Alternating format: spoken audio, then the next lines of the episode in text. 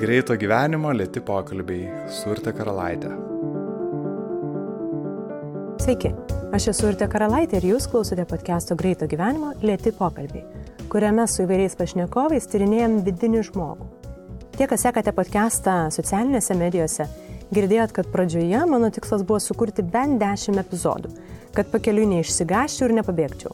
Šio tikslo pasiekiau. Tai jau 12 epizodas ir prieėjus į šį naują etapą galvojau, kur link norėčiau judėti toliau. Jau su 11 pašnekovų aptarus įvairias temas būtent per jų asmeninės prizmes ir patyrimus, pajutau, kad norėčiau tas temas patirinėti šiek tiek giliau, su žmogų tyrinėjančių mokslo atstovais. Taigi nuo šiol laiks nuo laiko įterpsiu pokalbį su sociologais, psichologais, neuromokslininkais ir panašiai. Būtent šiandien ir bus pirmasis toks epizodas, kuriame kalbuosi su sociologu Artūru Tereškinu, tyrinėjančiu tokias gan nišinės temas kaip seksualumas, paranoiškas vyriškumas, o mane labiausiai sudomino pastaruoju metu Artūro tyriama melo kultūra. Šiandien ir aptarsime melą identiteto kūrime, tarpusavio santykiuose bei santykėje su savimi. Kalbant apie saviapgaulę, su kuria susiduria, manau, tikrai nemažai šio laikinių žmonių, neseniai vienas pažįstamas manęs paklausė, ar man patinka kurti podcastą. Ir aš nie sekundę nepagalvojus atsakiau taip. Ir tai buvo be ne pirmas kartas gyvenime, kai niekiek nesumelavau savo dėl savo santykio su savo veikla. Nesakau, kad visos veiklos iki šiol man niekiek nepatiko, bet tokio drąsaus ir tikro taip dar niekada negirdėjau save tariant. Labai gera tai suprasti. Dar gera suprasti ir tai, kad kažkokiam skaičiu ausų ir galvų podcastas taip pat patinka. Jei tau irgi patinka tai, ką su pašnekovais čia aptarėme, prisidėk prie podkasto kūrimo įparemdamas reguliaria vieno ar kelių dolerių parama. Tai gali padaryti patreon.com pasvirasis brūkšnys lėti pokalbiai. Tai visai kaip naminuko prenumerata, tik pigesnė, geresnė ir du kart per mėnesį nesugalvojau kito analogo, kuris tiktų visiems, tai šito nepriimkite per daug rimtai. Prie podcast'o prenumeratos prisijungė Marija Lenkutytė Mažylė, Milda Urpšytė, Ginta Ambražaitė, Eglė Varnaitė ir Tadas Talalas. Ačiū Jums labai, kad vertinat mūsų pokalbius ir padedat juos kurti. Nerkime melo paiešką su Artūru Tereškinu.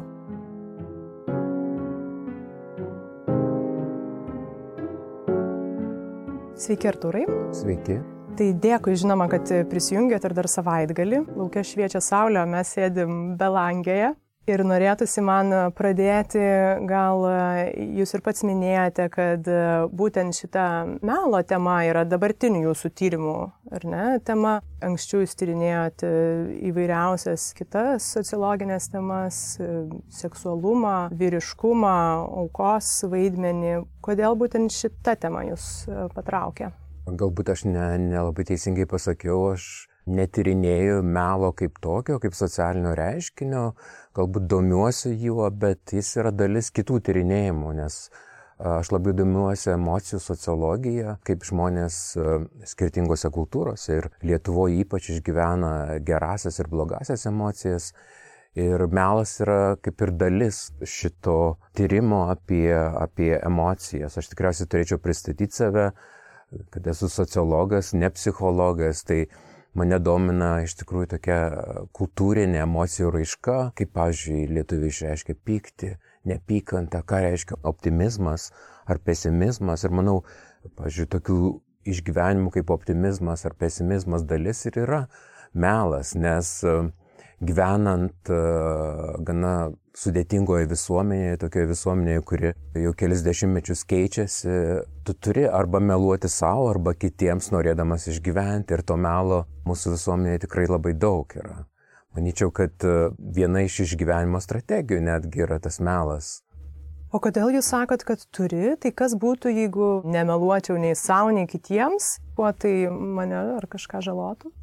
Manyčiau, gal nežalotų, bet uh, jūs pasidarytumėte kaip ir outsiderį visuomenės. Ir irgi yra ir tyrimų parodyta, kad va tie, kurie nusprendžia nemeluoti, tie atsiduria kaip ir visuomenės paraštėse, e, jų negerbė arba jų bijo arba nenori su jais bendrauti, nes daugam tiesa, tiesos sakymas yra nepatogus dalykas. Ir ypač įdomu pasižiūrėti į tarp asmenius santykius, pažiūrėjau, partnerystės arba šeimos santykius, kaip tas melas arba apgaulė tuose santykiuose vyrauja netgi. Ir mano mėgstama amerikietė trinėtoja Laura Kipnis, tokio knygoje prieš meilę, angliškai jinai vadinasi Against Love, jinai įrašo, kad uh, dalis santykių, tarp asmeninių santykių būtų neįmanoma be apgaulės ir melo.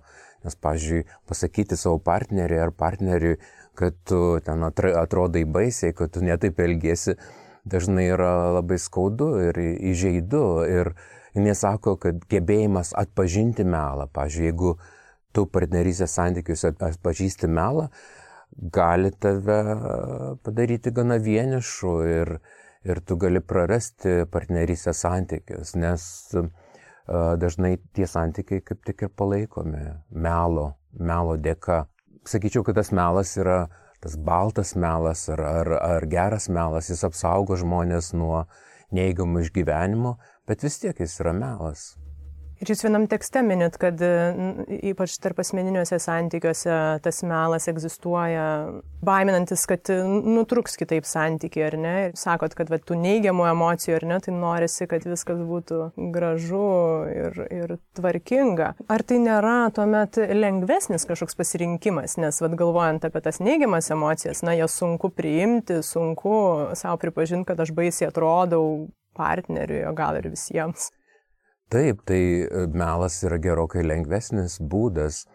Aš, jeigu mąstau apie save, aš nesu kategoriškas žmogus ir dėl to manyčiau, kad e, mes esame įpratę nuo vaikystės meluoti ir tai nėra kažkokia didžiulė tragedija, ypač e, jeigu meluojama, to, kaip sakyti, tokiom gana nereikšmingom temom.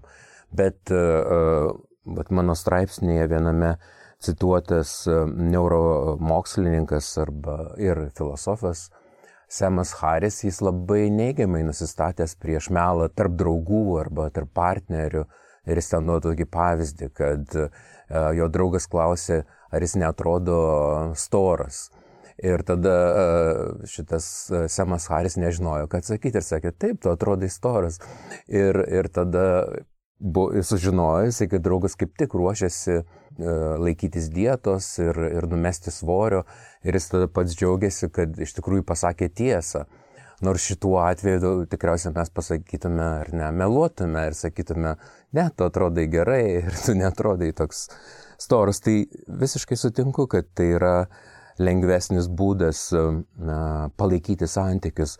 Bet yra kitokių melo rūšių, pavyzdžiui, kai meluojama dėl, pažiūrėjau, santokinės neištikimybės arba dėl nesantokinių santykių su kitais žmonėmis. Ir tada iš tikrųjų nukenčia partneriai ir, ir partnerystė dažnai sugriuva, nes vis dėlto jinai turėtų remtis tiesa ir, ir atvirumu ir galbūt netgi sažiningumu daugeliu atveju, ypač tokių atvejų, kaip mes kalbam apie seksualinius santykius arba arba įsimylėjimą kito žmogaus ir panašiai. Žinau iš savo patirties ir iš kitų, kad žmonės nesiskiria vien dėl to, kad jiems labai patogu, nors jie turi ir kitų partnerių ir, ir nuolat meluoja savo partneriams ar partneriam. Manau, čia tikrai labai sudėtingas dalykas ir, ir būti kategoriškam nu, negali, ypač tarp asmeninėse santykiuose. Ir čia iš dalies galbūt irgi yra tas lengvesnis pasirinkimas, nes berots ir Sam Harris e, ten e, jūsų citatoj mini, kad e, melas tai nenoras suprasti ir būti suprastam. Tai tam, kad partnerystėje aš rinkčiausi tiesą ir norėčiau jūs suprasti, vėlgi kainuotų ir pastangas ar ne, ir toks vėl krypimas į tą lengvą. Kodėl žmogus renkasi lengvesnį kelią? Tai e, manyčiau, kad čia yra ir tos socialinės aplinkos įtaka. Nemanau, kad čia vien tik tai psichologiniai dalykai, nes jeigu žiūrėtume, kaip nuo kelių metų vaikai pradeda meluoti, aš tiksliai nežinau, bet Samas Harris ten uh, duoda faktų, kad ten nuo kokių penkių ar šešių metų, kad jie yra išmokomi meluoti, jie pastebi, kai, kai tai daro saugusieji ir pamato, kad tai yra lengvesnis būdas e, egzistuoti arba gyventi, dėl to, manyčiau, tas melas taip paplitęs. Bet vis dėlto, manyčiau, yra skirtingas melas, kai meluojama dėl tokių nereikšmingų dalykų ir kai meluojama bandant tikrai apgauti arba suvedžioti arba uh, netgi priversti žmonės tikėti įvairiais gandais arba samokslo teorijomis arba tokiais iškraipytais faktais. Man įdomu dar, vat, kodėl žmogų visgi yra gana lengva apgauti, jeigu galvojant ir apie vat, šiandieninės aktualijas ir socialinėse medijose stebimi idealūs žmonės, mes tarsi pagalvoję suprantam, kad jie galbūt netaip idealiai atrodo ar politikų pažadai galbūt žinome, kad nesusiję su realybė ir nebus įgyvendinti, bet net ir kritiškai mąstantis protingas žmogus visgi slysteli kartais. Kodėl taip lengva apgauti?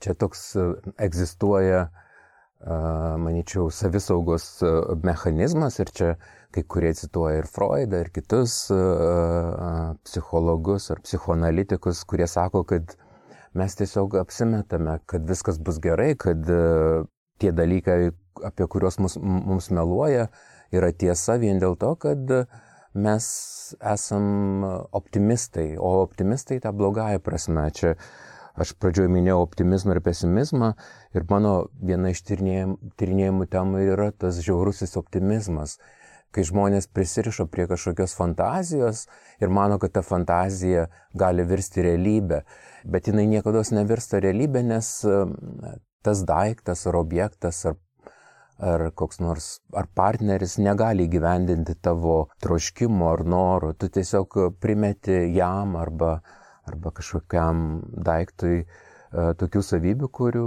kurių, kurių jis neturi. Tai manyčiau, dėl to mes esam kaip sakyti, žiaurūs optimistai ir, ir e, dažnai e, manome, kad e, tie dalykai, apie kuriuos meluoja politikai ar mūsų partneriai, iš tiesų yra nemelas, kad viskas gali būti įgyvendinta. Ir čia galima kalbėti ir apie gero gyvenimo kažkokius įvaizdžius arba, kaip jūs sakėt, populiarioje kultūroje grožių vaizdiniai, kurie mus nuolat atakuoja ir mes norim būti tokiais, bet mes turėtume žinoti, kad vis dėlto tai yra tik tai fantazijos, kurios sunkiai gali būti įgyvendintos. Ir tarsi juntamas toks nuolatinis debatas e, viduje, lyg ir suprantam, kad netiesa, bet norisi to optimizmo ir fantazijos, kad, na, norėtųsi gyventi gražiai, gerai ir, ir tai tarsi suteikia viltį. Tai e, apie socialinės medijas e, kalbant ir, ir asmenybės, tą identitetą, jų formuojant kažkokio melo, dažnai turbūt irgi galima išvelgti. Čia gal galima pasakyti, kad melas dažnai yra susijęs su nauda savo. Ir čia aš išvelgčiau paradoksą, kad tarsi, paimkime pavyzdį, influenceris, kuris kuria savo identitetą tokio gražaus, protingo žmogaus, jisai tą daro dėl naudos savo, bet jisai rizikuoja pakengti savo įvaizdžiui tuo pačiu metu, išaiškėjus tam melui. Taip, čia atrodo labai paradoksalu ir jūs labai teisingai pastebėjot, kad a, dažnai meluojama siekiant kažkokių interesų, ar tai būtų politiniai interesai, ar būtų tai kom, ar komerciniai interesai. Ir, pavyzdžiui, e, influencerių vienas iš pagrindinių interesų yra komercinis. Ir tai lyg tai mes suprantam, bet vis tiek pasiduodam jų, jų įtakai. Nes mano nuomonė ir kitų tyrinėtojų nuomonė, influencerio pagrindinė užduotis yra sukurti tokį tikrumo, autentiškumo įspūdį, kad žmonės patikėtų, pavyzdžiui, tas gaminys ar produktas iš tikrųjų yra nuostabus, bet mes turėtume tikrai žinoti, e, kad tai yra tik tai komercinių interesų sklaida arba e, mėginimas parduoti vieną ar kitą e, prekę ar brandą ir panašiai. Tai manau, kad yra tikrai įvykę ne vienas skandalas ir Lietuvoje, ar ne, kai influenceriai nepripažino tų savo interesų, ypač politinių interesų ir, ir dėl to iškilo įvairiausių moralinių dilemų, Pavyzdžiui, kodėl e, reklamuoja vieną ar kitą politiką, o neprisipažįsta, kad už tai jam yra mokama. Tai uh, manau, kad šitaip elgdamiesi influenceriai patiria nemažai nesėkmių, nes uh, aš sakyčiau, kad uh, vis dėlto labai sąžininga yra prisipažinti, kad tu atstovauji vieną ar kitą politinę jėgą, prekės ženklą ir kad nu, tavo gyvenimas yra mėginimas prekiauti tam tikrom idėjom arba vaizdiniais, tam tikrom gyvenimo sampratom. Čia gal ir yra ta baime pakengti savo įvaizdžiui išaiškėjus tiesai. Ir jūs paminėjot būtent žodį sukurti, kad sukurti tą savo kažkokį tai įvaizdį ar, ar, ar žmogų ir pagalvojau apie apie teatro kūriamus vaidmenis. Ir čia irgi įdomu gal pastebėti, kad ten, matydami kažkokį tai personažą ant scenos ar, ar kine, mes nedvėjojame, kad jie sukurti yra. O čia mums sunku save įtikinti, kad tai netikra. Tarsi ta terpė labai daug lemia čia. Tai a, aš nežinau, ar tikrai sunku mus įtikinti, kad čia netikra, nes, pažiūrėjau, neįsilavinęs arba neturintis išsilavinimo žiūrovas arba kultūros vartotojas dažnai patikė, žiūrėdamas filmą, jis taip įsijaučia, kad ar ne mano, kad tai yra visai tikri įvykiai. Tai galbūt me, visas menas yra va, tokios apgaulės būdas ir jeigu tu sugebi apgauti žiūrovą, taip įtikinti savo melu, tai tu esi be galo talentingas tikrovėje, manau, yra panašiai. Turėti, turėti talentą, apgaudinėti žmonės, kad jie patikėtų, bet Lietuvoje aš matyčiau ir kitą problemą, kad vis dėlto labai daug yra lengvatikių. Aš e, nežinau, kaip versti iš anglų kalbos, nes e, tuose darbuose me, apie melą dažnai naudojamas e, toks žodis dupe arba dupes ir juos labai lengva įtikinti, ypač tokiuose tranzitinėse visuomenėse kaip Lietuva, kurių tas pereinamasis laikotarpis iš socializmo į kapitalizmą yra gana ilgas ir komplikuotas. Ir žmonės yra pasilgę kažkokių labai lengvų sprendimų, e, išgyvenimo būdų ir dėl to pasiduoda įvairiom samokslo teorijom, fantazijom. E, daugybė politikų arba viešųjų veikėjų aiškina, kad čia visi kiti kalti dėl mūsų bėdų, o ne patys žmonės, ne valdžia, ne politikai, tai žmonės to patikė ir tada, pavyzdžiui, pradedama kalbėti, kad čia aš nukrypsiu šiek tiek, ne, kad kaltas feminizmas, kad kalti yra gėjai, kad kalti yra migra, imigrantai, kad kaltos visos tos labai pažeidžiamos grupės mūsų visuomenėje, nes reikia kažkokių atpirkimo ožių ir žmonės to labai lengvai patikė. Ir mane tai iš tikrųjų labai skaudina ir kaip pilietį, ir kaip tyrinėtojas. Aš vis galvoju, kodėl taip lengva Lietuvoje apgauti žmonės ir priversti juos tikėti, kad vis dėlto problema yra ne juose, bet kažku, kažkokiose kitose žmonėse arba socialinėse grupėse. Čia truputį ir psichologijoje galima, ne, nepabėgim nuo savo temų, bet kad ieškojimas priežasčių ir problemų už savęs turbūt tiesiog yra lengviau negu, negu žiūrėti į visuomenę, į savo visuomenę arba į savo vidų, kasgi čia ne taip. Grįžtant dar prie influencerių ir to dirbtinai formuojamo identiteto, bet čia turbūt ir politikoje galima panašiai rasti Kokią įtaką daro tokie melų gristi identitetai pačiam žmogui ir, ir visuomeniai? Kokį šleifą galbūt tai palieka?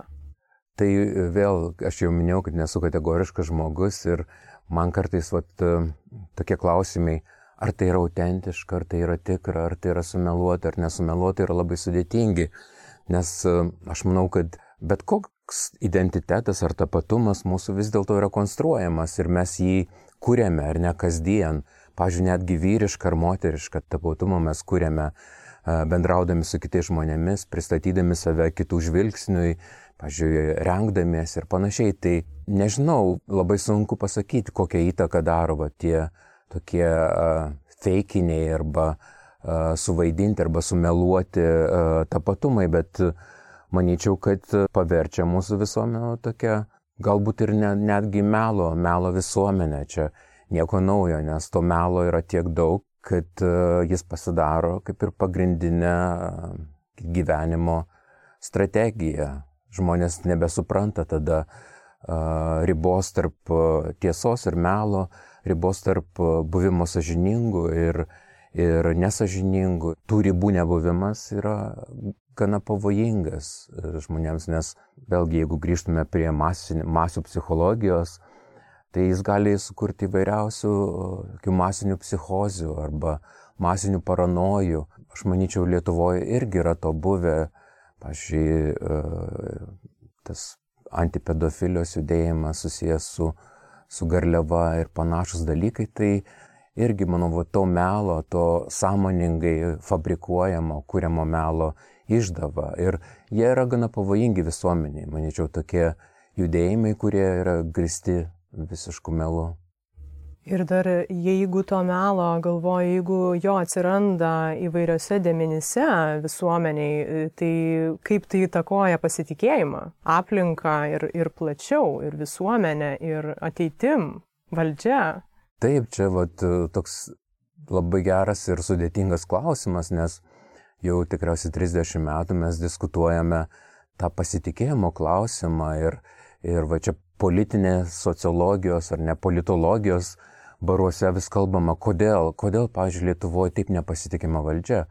Bet kita vertus, tyrimai rodo, kad ne tik valdžia nepasitikima, pavyzdžiui, nepasitikima kaimynais, nepasitikima artimaisiais ir to pasitikėjimo uh, labai trūksta, nes pasitikėjimas yra to socialinio ar visuomeninio ryšio kūrimas, tos tokios be, geros arba glaudžios bendruomenės kūrimas, o pas mus iš tikrųjų to labai trūksta. Tai pasitikėjimas kaip tik ir, ir rodo, kad tas melo ir, ir apgavystės ar apgaulės lygmuo yra didžiulis ir žmonės įprato nepasitikėti nei politikais, nei savo kaimynais, nei, nei artimai žmonėmis. Atrodo, kad gali pasitikėti tik tai savimi.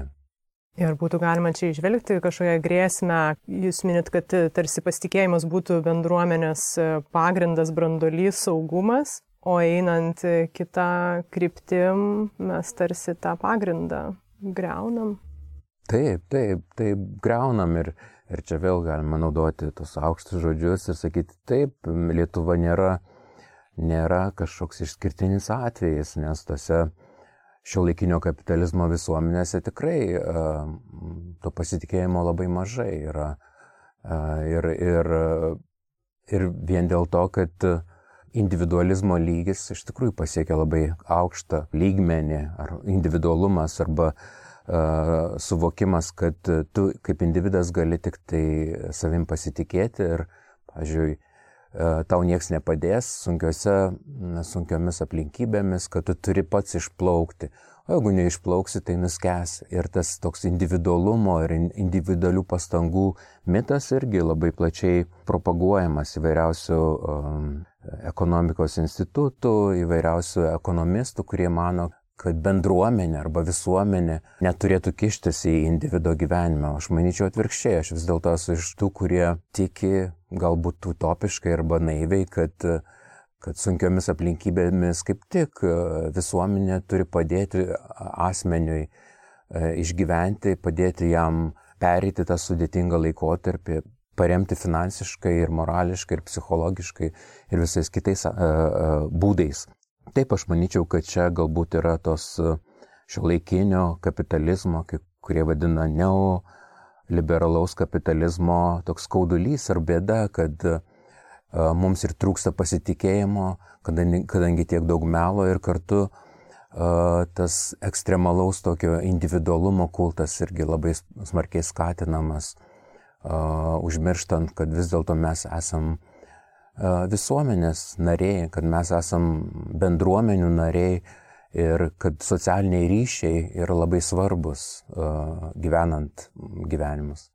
Taip, evoliuciškai visgi esam bendruomenės dalelės ir čia tai, ką jūs sakot, irgi tada pagalvoju iškart, kad tai tam tikrą prasme ne, neskatina, bet kursto vienišumą, na, priešingybę tai bendruomeniai ir keliamas individo kaip atskiro vertė iškeliama ir, ir jis turi būti stiprus ir kai nėra, jis pats turbūt nebetiki, kad gali kažkas e, visuomenė, draugai, kaimynai padėti, jeigu reikia. Tai, Dar, mhm. Ne, aš tik norėjau čia pridėti, jūs labai teisingai irgi sako, kad, kad taip susikoncentruojant į, į, į individą, tada atsiranda labai stiprus tokie socialinis spaudimas, pavyzdžiui, nebūti loseriu arba uh, būti sėkming, sėkmingam. Ir, ir tai labai, manau, irgi veikia žmonės, nes visi negali būti sėkmingi ir ta sėkmė yra apibrėžiama labai taip, tradiciškai Lietuvoje ir, pažiūrėjau, kaip finansinė sėkmė, ten šeiminė sėkmė ir panašus dalykai. Tai visi tie dalykai uh, irgi gana žalingi, manyčiau, mūsų visuomeniai, nes jie skaldo, atomizuoja visuomenę, irgi taip banaliai kalbant, tikriausiai daro mus susvetimėjusius vieni kitiems ir panašiai. Konkurencija.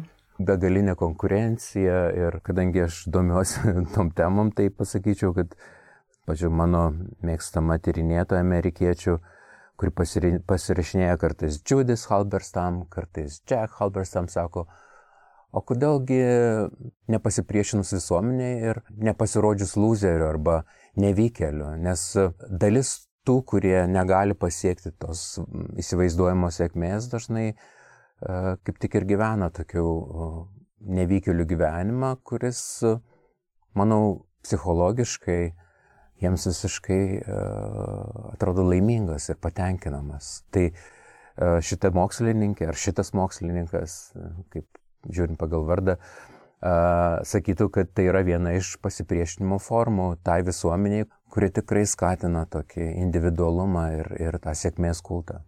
Čia žinoma klausimas, kas yra nevykėlis, nes jeigu na, nemažai žmonių veikia iš tos visuomenės primestų ar ne kartelių sėkmės, Bet jeigu aš sugebu tam pasipriešinti ir susimažinu, kad, na, mano sėkmė ir mano laimė yra grūdų laukas, tai čia labiau, man atrodo, žmogus kaip individas, jis gali tuo pasitenkinti. Tik ar, ar jis gali patenkinti ir visuomenę ir parodyti, kad aš visgi, va, esu sėkmingas, nes turiu grūdų.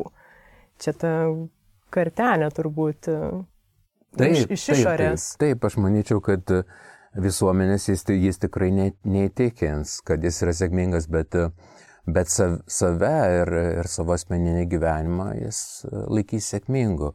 Vėlgi galbūt sėkmės laidas yra sugebėjimas meluoti kitiems. Aš nežinau, va šituo atveju, va to grūdų lauko atveju, tai žmogus savo nemeluoja tikriausiai, jis laimingas yra, pažiūrėjau, gyvendamas uh, tam grūdų laukia, aš atsimenu, aš e, dėšiau Lundo universitete ten su trumpu vizitu ir vienas studentas sakė, aš norėčiau su savo draugė išvažiuoti į kaimą, į mišką ir gyventi trubelį e, ir auginti daržovės ir gyventi be jokios civilizacijos ar visuomenės įsikišimo. Ir jis atrodė tikrai tikėjęs tuo ir jam atrodė, kad nu, čia pats laimingiausias būdas uh, gyventi. Tai mane žaviu tokie žmonės, kurie, kurie suvokia, kad nu, nebūtinai juos apibrėžia visuomenė ir nebūtinai uh, jie turi meluoti uh, savo ir kitiems, norėdami pasirodyti visuomenės akise arba, arba aplinkinių akise sėkmingi ar, ar laimingi. Paminėjote tą saviapgaulę. Jos yra nemažai įvairiais kiekiais ir, ir lygiais, kur būtų galima išvelgti to poreikio saviapgauliai ar, ar um, įpročio šaknis. Ir kaip tas įprotis keičia žmogaus santyki su savim ir aplinka. Įprotis apgaudinėti save. Tai e, čia labai sudėtingas klausimas ir aš mėginau mąstyti apie tai, e, remdamas savo patirtim ir kitų patirtimi. Ir ir suvokiau vis dėlto, nu, kad mes jau apie tai kaip ir kalbėjom, šiek tiek paliesdami optimizmo temą, kad uh, žmonės yra pripratę apgaudinėti save uh, vien dėl to, kad jie tikisi, nu, kad viskas bus gerai. Ir tai yra toks prisirišimas prie netikrų fantazijų arba uh, tikėjimo, prisirišimas prie tikėjimo, kad uh, kad apgaudinėdamas save tu gali pasiekti tą rezultatą, kurio, kurio tu nori, bet aš manyčiau, kad a, labai sunku tą padaryti. Tas apgaudinėjimas dažniausiai ar melas savo išvirsta į nu, įvairiausias destruktyves veiklas. Pavyzdžiui, apgaudinėjai save, kad, kad tau nereikia sportuoti ten ir, ir galvoji, kad tu taip išgyvensi ir paskui tave apninka įvairius lygos ir panašiai. Arba tas pats yra su įvairiom priklausomybėm, ar tai būtų priklausomybė kokiems nors azartiniams žaidimams, arba alkoholiui, arba narkotikams. Žmogus apgaudinėja, kad jis tą gali padaryti vieną kartą, antrą kartą, bet paskui uh, tai virsta tokia destruktyvia, destruktyvia veikla.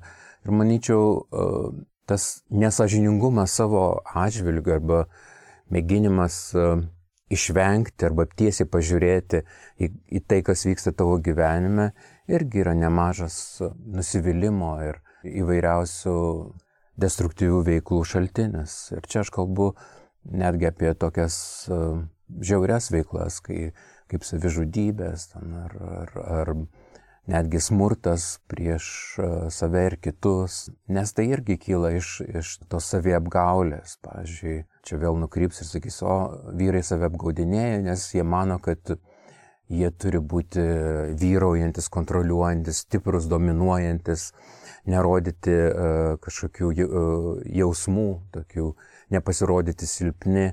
Ir dažniausiai vat, uh, tas tokia saviapgaulė tikrai uh, virsta smurtu, pavyzdžiui, prieš partnerės ar partneris ir tais dalykais, kurių mes turėtume vengti.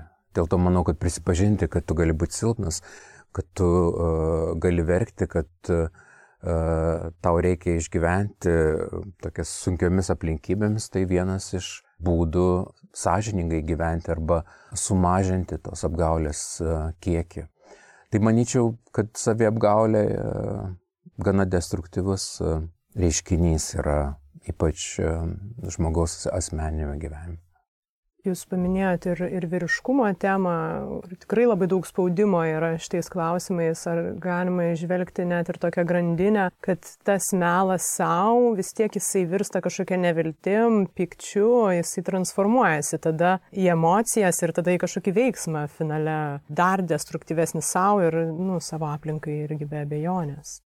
Taip, labai geras pastebėjimas ir darydamas interviu, pažiūrėjau, įvairių socialinių sluoksnių vyrais tą pastebiu, kad tas melas savo ir nesugebėjimas prisipažinti, kad nu, tu negali gyvendinti tų reikalavimų, kuriuos tau visuomenė suteikia, veda prie tų neigiamų emocijų, prie smurtinių emocijų, prie pykčio, įniršio. Ir ką tada tie vyrai daro? Grįžtant prie mūsų ankstesnės minties, kad tie vyrai jungiasi įvairius ekstremalius judėjimus, neapykantos grupės, kurių labai daug. Lietuvoje galbūt jų nėra tiek daug, bet jeigu pasižiūrime globalų kontekstą, pažiūrėjau, tyrinėtojai iš tų grupių sako, kad Amerikoje ten jų egzistuoja šimtai ir šimtai ir jie turi, pažiūrėjau, daugybę internetinių puslapių, kur savo neapykantą skleidžia. Ir kas dažniausiai tie neapykantos skleidėjai, tai yra žemesnės klasės, baltieji vyrai, e, kurie yra nepatenkinti tuo, kas yra visuomenėje. Baigiant e, šitą klausimą, tikriausiai reikėtų pasakyti, kad saviapgaulė virsta neigiamom emocijom, kurios yra ardančios arba destruktyvės ne tik pačiam asmeniui, bet ir visuomeniai. Ir, ir, ir tas pyktis ir įničias, kurį mes kaip vyrai išgyvename, jis įgauna tokias destruktyves formas. Ir dėl to, pažiūrėjau, Lietuvoje yra toks aukštas smurto lygis ir prieš moteris, ir vyrų smurto prieš kitus vyrus. Ir, ir visi tie dalykai tikrai rodo, kad gyventis apgaudinėjant save nėra pats geriausias išėjimas.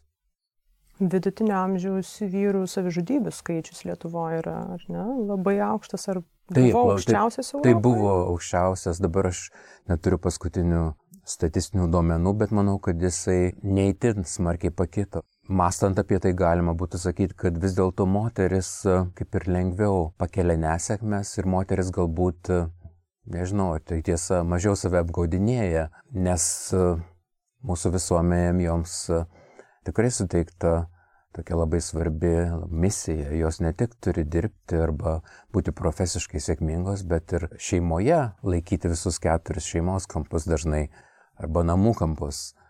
Tai e, galbūt dėl to jos masto šiek tiek e, keistai skambės, racionaliau nei vyrai šituo atžvilgiu, nes jos suvokia, kad ant jų pečių tikrai gula ir, ir namų priežiūros, ir vaikų priežiūros, ir kiti dalykai, kurių vyrai dažnai nedaro.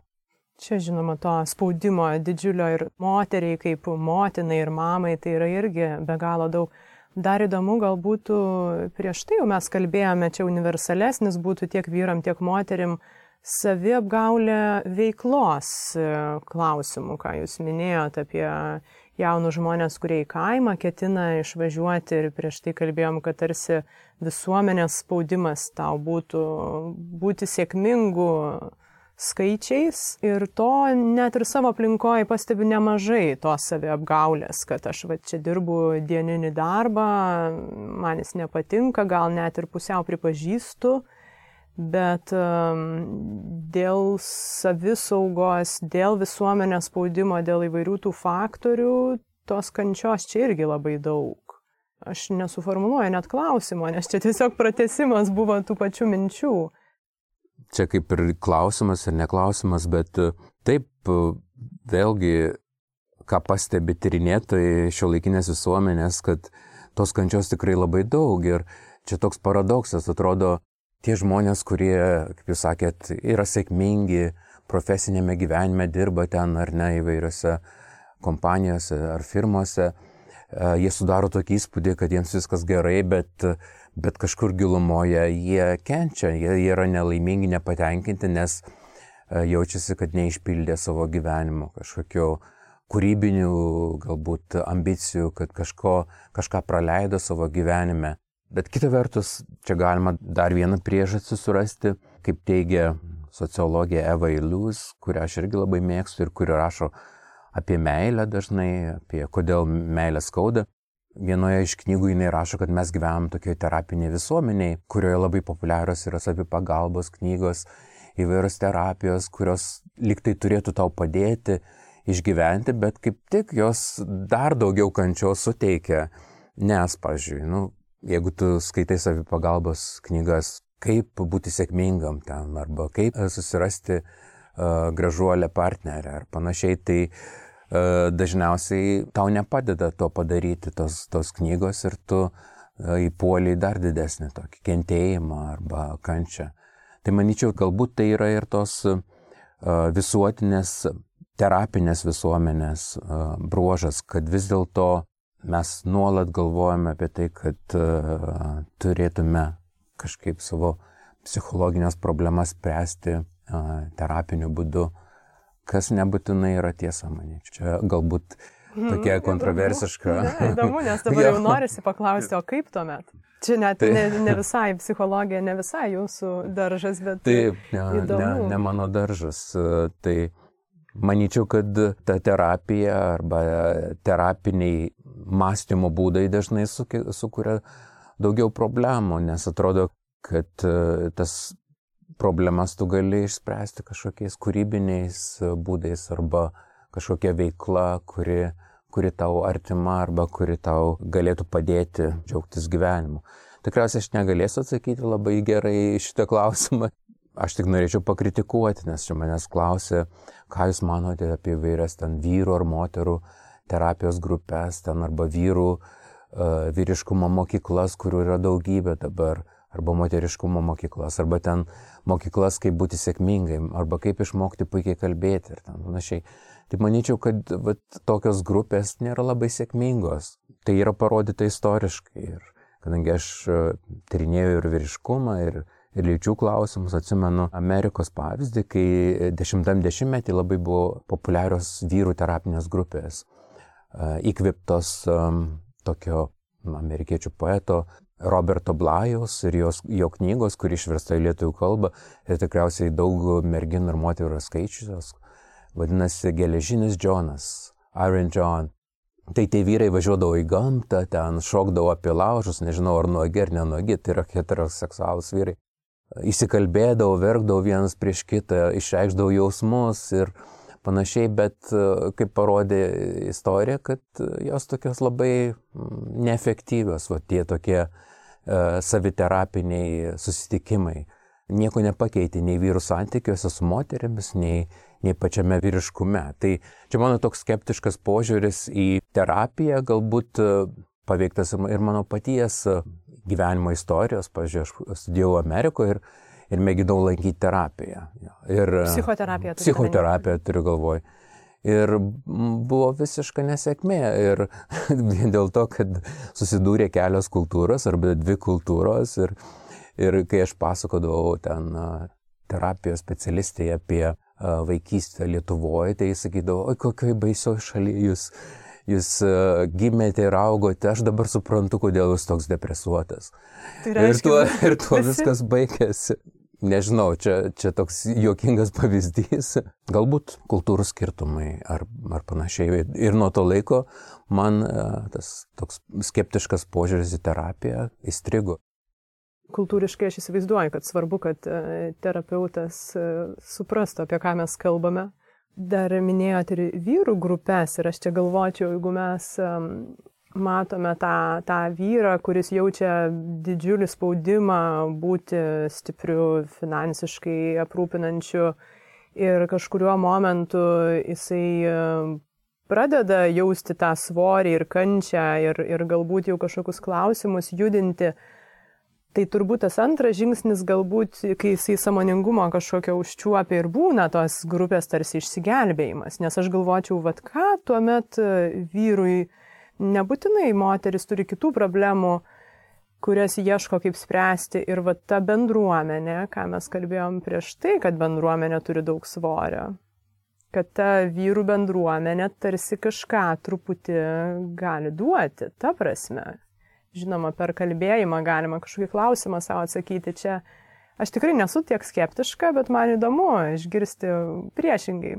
Tikriausiai jūs šiuo, šiuo atžvilgiu tikrai teisi ir, ir galbūt teisesnė negu aš dėl, to, dėl tų terapinių grupių, nes aš nesu dalyvavęs grupiniai terapijoje arba vyrų grupėse ir, ir aš irgi klausydamas jūsų tikėčiau, kad gali jos būti ir naudingos, ypač tiems vyrams, kurie atsidūrė tokioj kryškeliai, kurie nežino, ko, ką daryti ir, ir kitų vyrų patirtis e, gali padėti jiems su, suvokti ar įsivaizduoti, kaip spręsti gyvenimo problemas. Taip, e, manyčiau, kad e, tai... Nebandau irgi... įtikinti dabar. Aš noriu smarkiai grįžti prie, prie meilės temos, nes ankstesniam tekste, kuris man turbūt labiausiai įstrigo apie amžiną meilę ir, ir jūsų tėvus, ten daug kalbate apie būtent tą meilę, kuri yra tarsi egzistuoja, tarsi labai matoma ar sukūriama aplinkinių vaizduotėse ir tarsi jos ir nėra. Koks čia galėtų būti santykis su saviapgaulė siekiant tos amžinos meilės? kurios mes kažkaip intuityviai mažiau ar daugiau kažkaip vis ieškom. Hmm, ne visi. Taip, galbūt ne visi, bet tas meilės romantiškos, romantinės meilės spaudimas yra uh, didžiulis kiekvienam ir tie, kurie neturi tas meilės objekto, dažnai irgi į jos kreivai žiūrima. Tai sutikčiau, kad ta romantinė meilė irgi yra tokia fikcija, Ir čia ne tik mano nuomonė, fikcija arba toks e, visuomenės kūrinys, kuris irgi uh, iš dalies apgaunamas, nes mes tikimės nu, kažkokio tokio tikrai romantinio pakilimo tos meilės metu ir kad ta meilė tęsis amžinai, bet pasirodo, kad jinai nesitęsia amžinai ir 50 procentų Lietuvos šeimų įsiskiria, meilė baigėsi gana greitai. Tai, manyčiau, irgi meilė yra yra ta tokia įdomi ir keista fikcija, kurią sukūrė XIX pabaiga, XX amžius Europoje, kai kapitalizmo plėtra, įvairios technologijos leido tą meilės vaizdinį pardavinėti, jį pateikti vyrams ir moteriams, ką reiškia būti mylimam ar ką reiškia mylėti.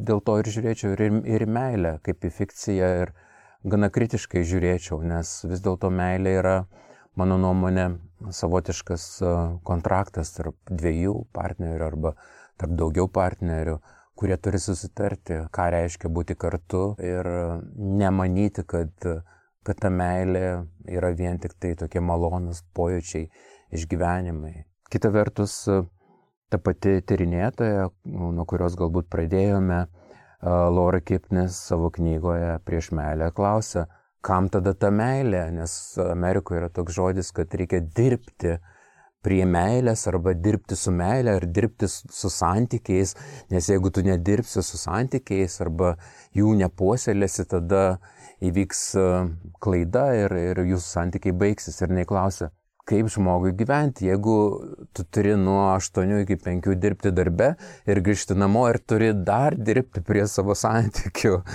Ar tai nėra, va, ta, tikrai tokia didžiulė saviapgaulė, tu esi pavargęs nuo profesinės įtampos ir tu grįžti ir tu dar dirbi toliau su tais santykiais. Tai galbūt uh, lengviau yra kažkaip uh, atsisakyti tos uh, tokios idealistinės arba aukštos meilės idealo ir leisti atsipalaiduoti labiau santykiuose.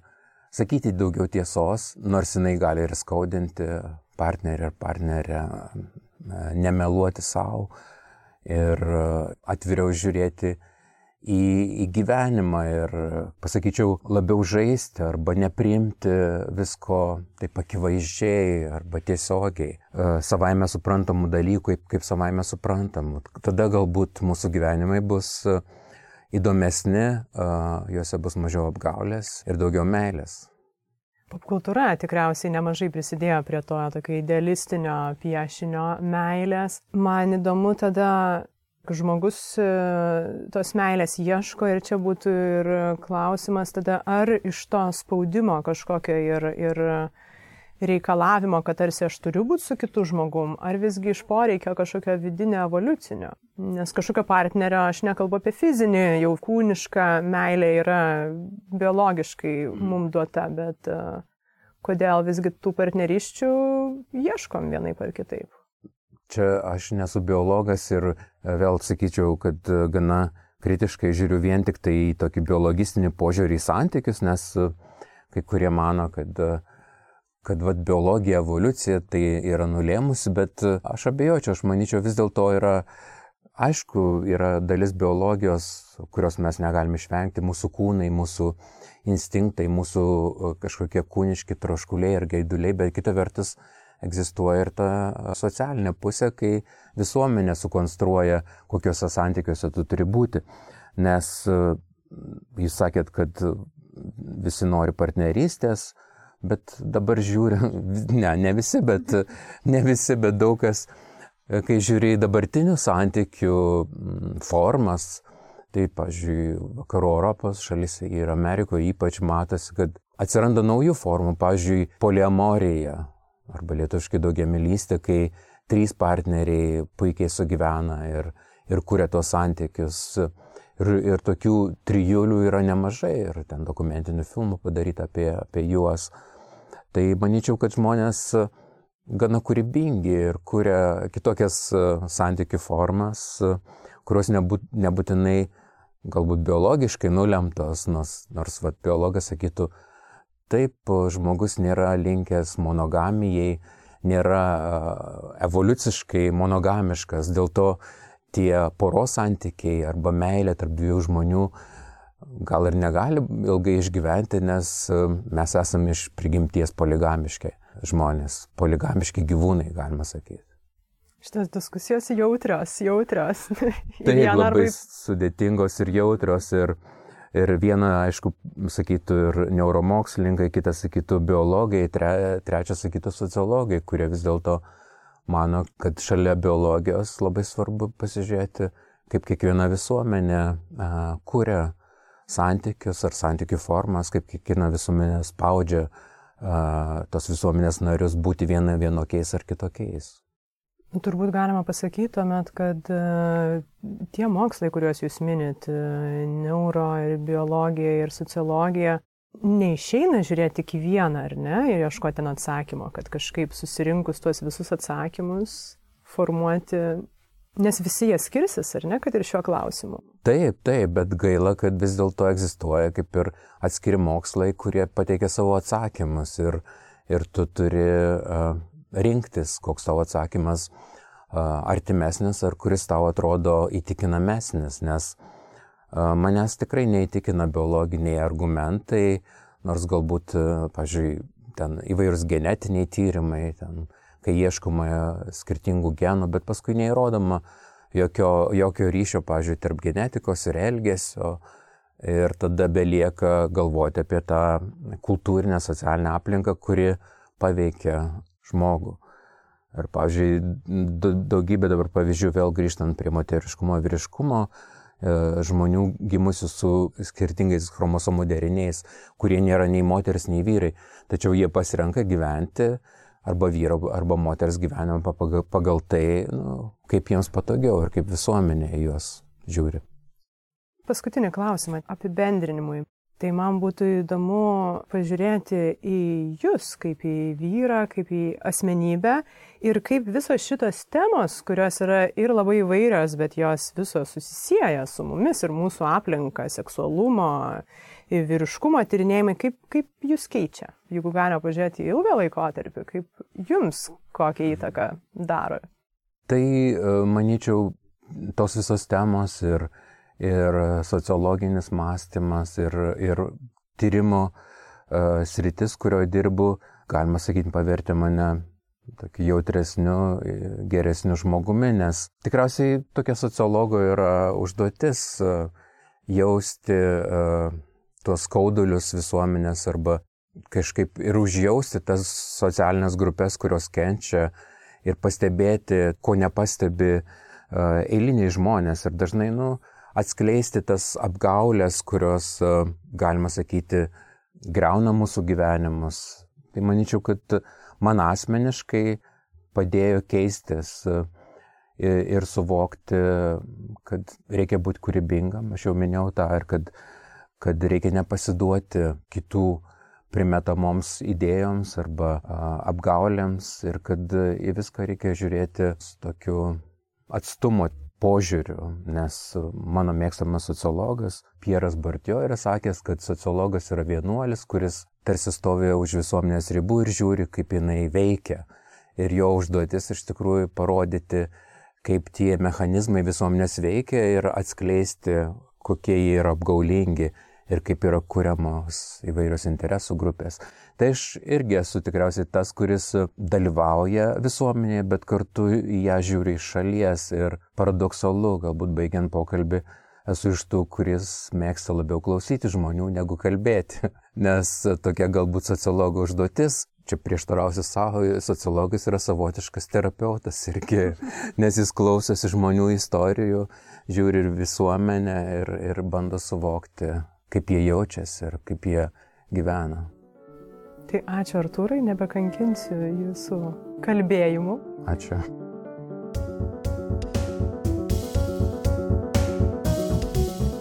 Ačiū, kad klausėtės. Man labai patiko pokalbėje iškilę kontroversijos. Kaip ir visada, kviečiu nesutikti ir diskutuoti. Nepraleiskit naujų epizodų sekdami podcastą Instagram ir Facebook paskiruose arba prenumeruodami jį. Beje, jei jums įdomu tai, ką girdite, parašykit atsiliepimą Facebook ar iTunes platformose, papasakokit apie podcastą draugams, tegu jis pasiekia ausis tų, kuriems aktualios šios temos. Priminsiu, kad prisidėti galite patreon.com pasvirasis brūkšnys lėti pokalbiai. Linkėčiau nemeluoti, bet po šio pokalbio negaliu. Tai linkėčiau gebėti pasirinkti. Su jumis buvau aš, Urte Karalaitė. Iki kitų kartų.